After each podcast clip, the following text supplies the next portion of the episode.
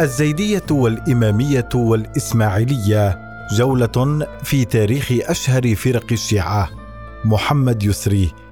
اشتهر الشيعة في التاريخ الإسلامي بوصفهم الحزب المؤيد لحق علي بن أبي طالب وبنيه في الخلافة. نشب الخلاف بين المؤرخين والباحثين حول تحديد توقيت ظهور التشيع. ذهب البعض إلى أن طبقة الشيعة الأوائل تشكلت زمن النبوة من هؤلاء سعد بن عبد الله الأشعري القمي المتوفى 301 هجرية والذي ذهب في كتابه الفرق والمقالات إلى أن الشيعة هي فرقة علي بن أبي طالب عليه السلام المسمون شيعة علي في زمن النبي. معروفون بانقطاعهم إليه والقول بإمامته. منهم المقداد بن الأسود الكندي وأبو جندب بن جنادة الغفاري وعمار بن ياسر المثحجي وغيرهم ممن وافقت مودته مودة علي عليه السلام. وهم أول من تشيع من هذه الأمة. أرجع آخرون ظهور التشيع إلى مرحلة متأخرة نسبيا على سبيل المثال يذكر ابن نديم المتوفى 384 هجرية في كتابه الفهرست أن عليا بن أبي طالب لما تحرك لقتال الخارجين عليه في موقعة الجمل سنة 36 هجرية تسمى من أتبعه على ذلك الشيعة فكان يقول شيعتي وسماهم عليه السلام الأصفياء والأولياء وشرطة الخميس والأصحاب. انقسم الشيعة إلى عشرات الفرق والطوائف التي اندثر الكثير منها دون أن يخلف وراءها اثرا يذكر فيما تمكنت بعض الفرق الأخرى من الصمود والانتشار.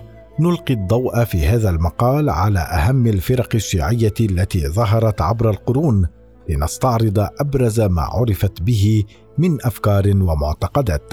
الكيسانية. قتل الحسين بن علي في كربلاء في العاشر من محرم سنة 61 هجرية انقسم الشيعة بعد مقتله والتف بعضهم حول ابنه علي زين العابدين وهو الوحيد الذي تبقى على قيد الحياة من أبناء الحسين عقب مذبحة كربلاء والتف البعض الآخر من الشيعة حول محمد بن الحنفية وهو أحد أبناء علي بن أبي طالب. وقد نسب إلى أمه التي ترجع أصولها إلى بني حنيفة.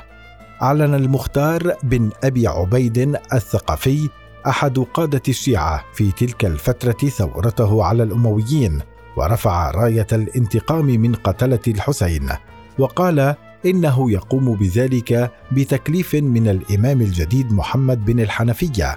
ظهرت في تلك المرحلة فرقة شيعية تعرف بالمختارية أو الكيسانية. يرى البعض أنها سميت بالكيسانية نسبة إلى المختار الذي كان يلقب بكيسان وبينما يقول آخرون بنسبتها إلى كيسان بن أبي عمرة قائد شرطة المختار في الكوفة أو إلى كيسان مولى علي بن أبي طالب. أعلنت تلك الفرقة أن الإمام هو محمد بن الحنفية وقالوا إنه هو نفسه المهدي المنتظر الذي ورد ذكره في الأحاديث النبوية. رفض أتباع تلك الفرقة تصديق خبر وفاة ابن الحنفية سنة 80 هجرية وقالوا إنه إنما اختفى عن أنظار الناس وإنه يعيش في جبل رضوى يقع في المدينة المنورة وسيخرج مرة أخرى في آخر الزمان. لم يكتب الانتشار لتلك الفرقة وقلت أعداد المنتسبين إليها تدريجيا وسرعان ما انقرضت وذاب من تبقى منها في الفرق الشيعية الأخرى. الزيدية. تنسب الزيدية إلى زيد بن علي بن الحسين بن علي بن أبي طالب. يذكر المؤرخون أن بوادر تكوين الفرقة الزيدية وقعت في سنة 122 هجرية بالتزامن مع إعلان زيد الثورة على الخليفة الأموي هشام بن عبد الملك بن مروان. يذكر محمد باقر المجلسي المتوفى 1111 هجرية في كتابه بحار الأنوار. أن زيدا واجه بعض المشكلات مع ولاة الدولة الأموية حاول أن يعرض المشكلة على هشام بن عبد الملك. ولكن الخليفة الأموي رد عليه باستهانة وغرور وأرسل أهل الكوفة في تلك الفترة إلى زيد يدعونه للقدوم إليهم لنصرته وتأييده.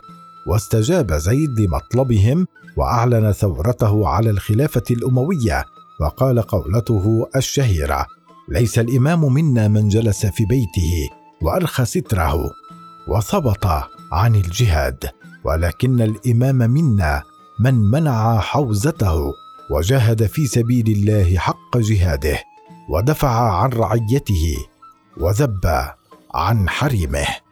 فشلت ثورة زيد عندما قتل وصلب جثمانه في المئة واثنان وعشرون هجرية لكن أفكاره الثورية ظلت شائعة في الأوساط الشيعية.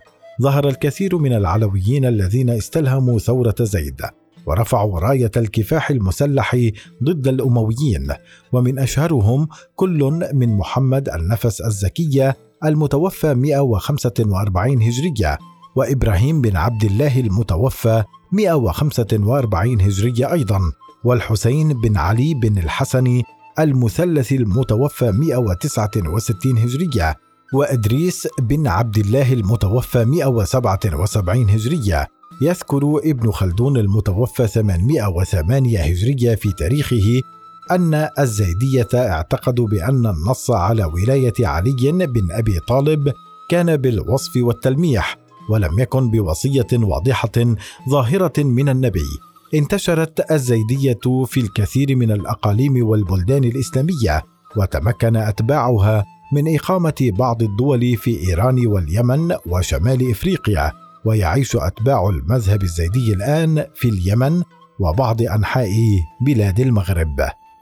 الإمامية الاثنى عشرية. تعد هذه الفرقة أكبر فرق الشيعة وأوسعها انتشارا وتأثيرا على مدار التاريخ الإسلامي.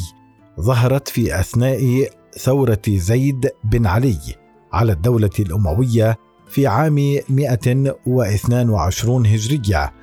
أوردت الكثير من المصادر التاريخية أنه في أثناء حشد زيد لأنصاره استعدادا لقتال الأمويين سمع بأن عددا كبيرا من أفراد جيشه يسبون كلا من أبي بكر الصديق وعمر بن الخطاب. قابل زيد رؤساء تلك الجماعة ولما سألوه عن رأيه في الخليفة الأول والخليفة الثاني مدحهما وترضى عنهما وذكرهما بخير. قامت تلك الفرقة عندها بترك معسكر الثوار. يذكر ابن حبيب البغدادي المتوفى 245 هجرية في كتابه المحبر أن فرقة الشيعة الإمامية عرفت بعدد من التسميات المختلفة منها اسم الشيعة وذلك لكثرة عددهم وغلبتهم على المذهب بشكل يفوق باقي الفرق الشيعية. حتى أصبح مسمى الشيعة يرتبط بالإمامية دونا عن غيرهم. عرفت تلك الفرقة أيضا باسم الرافضة. غالبية المؤرخين يرون أنهم عرفوا بذلك الاسم بسبب رفضهم لأفكار زيد بن علي ومعتقداته فيما يخص أبا بكر وعمر.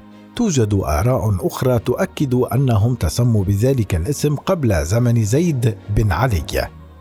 يؤمن أتباع الشيعة الإمامية بأن النبي صلى الله عليه وسلم نص على ولاية علي بن أبي طالب وإمامته بشكل واضح وصريح في غدير خم في الثامن عشر من ذي الحجة سنة عشر هجرية ويعتقدون أنه تم النص كذلك على إمامة أحد عشر إماما بعد علي هم الحسن والحسين وعلي زين العابدين ومحمد الباقر وجعفر الصادق وموسى القاظم وعلي الرضا ومحمد الجواد وعلي الهادي والحسن العسكري وأخيرا الإمام الثاني عشر محمد بن الحسن العسكري. يعتقد أتباع الشيعة الإمامية أن الإمام الأخير اختفى عن أنظار الناس في سامراء في 329 هجرية وأنه يعيش الآن في مكان غير معلوم. ويؤمنون بأنه سوف يظهر مرة أخرى في آخر الزمان عندما يزيد الظلم والجور والفساد في الأرض. تخالف الإمامية الزيديه في النظرة إلى منصب الإمامة. يفصل رجل الدين الشيعي المعاصر محمد رضا المظفر تلك النقطة في كتابه عقائد الإمامية ويؤكد على أن الإمامية يعتقدون بأن الإمام معصوم لا يجوز عليه الخطأ أو النسيان أو ارتكاب المعاصي ويؤمنون كذلك بأنه يعرف الكثير من أخبار الغيب والمستقبل وأن الأئمة وهبوا العديد من العلوم والمعارف التي لم تمنح لغيرهم فهم يعرفون لغات الحيوانات والطيور كما أنهم يتكلمون جميع اللغات التي عرفها البشر. يؤمن الشيعة الإمامية بأنه لا تجوز إقامة الدولة إلا بعد ظهور المهدي في آخر الزمان. يتبعون في ذلك ما نقله المجلسي عن الإمام جعفر الصادق. كل راية ترفع قبل قيام القائم عليه السلام. صاحبها طاغوت يعبد من دون الله عز وجل.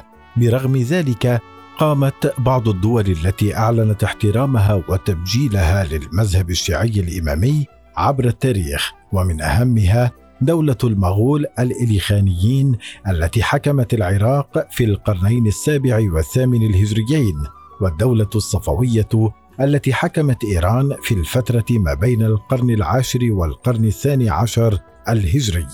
ينتشر الشيعة الإمامية الاثنى عشرية الآن في العراق وإيران والهند والبحرين والسعودية والكويت.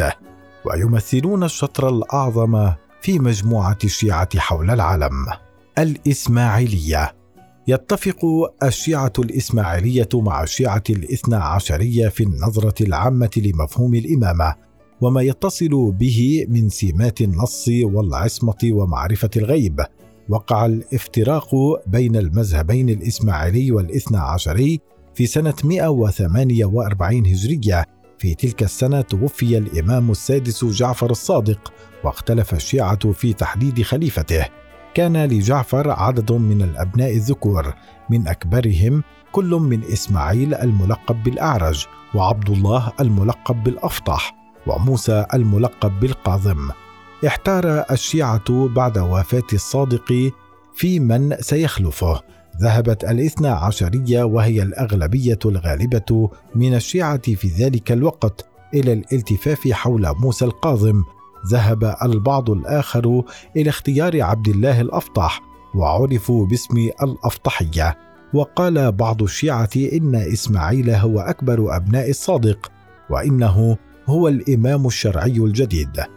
عرف هؤلاء باسم الإسماعيلية نسبة إلى الإمام إسماعيل بن جعفر وعرفوا أيضا باسم السبعية لأنهم انشقوا عن الإمامية عند الإمام السابع يذكر بعض المؤرخين أن إسماعيل بن جعفر توفي في حياة أبيه ويؤكد الشيعة الإسماعيلية أن إسماعيل كان حيا يرزق. وأن الصادق تعمد أن يبعده عن أنظار العباسيين الذين يهددون حياته ولذلك أذاع قصة وفاته.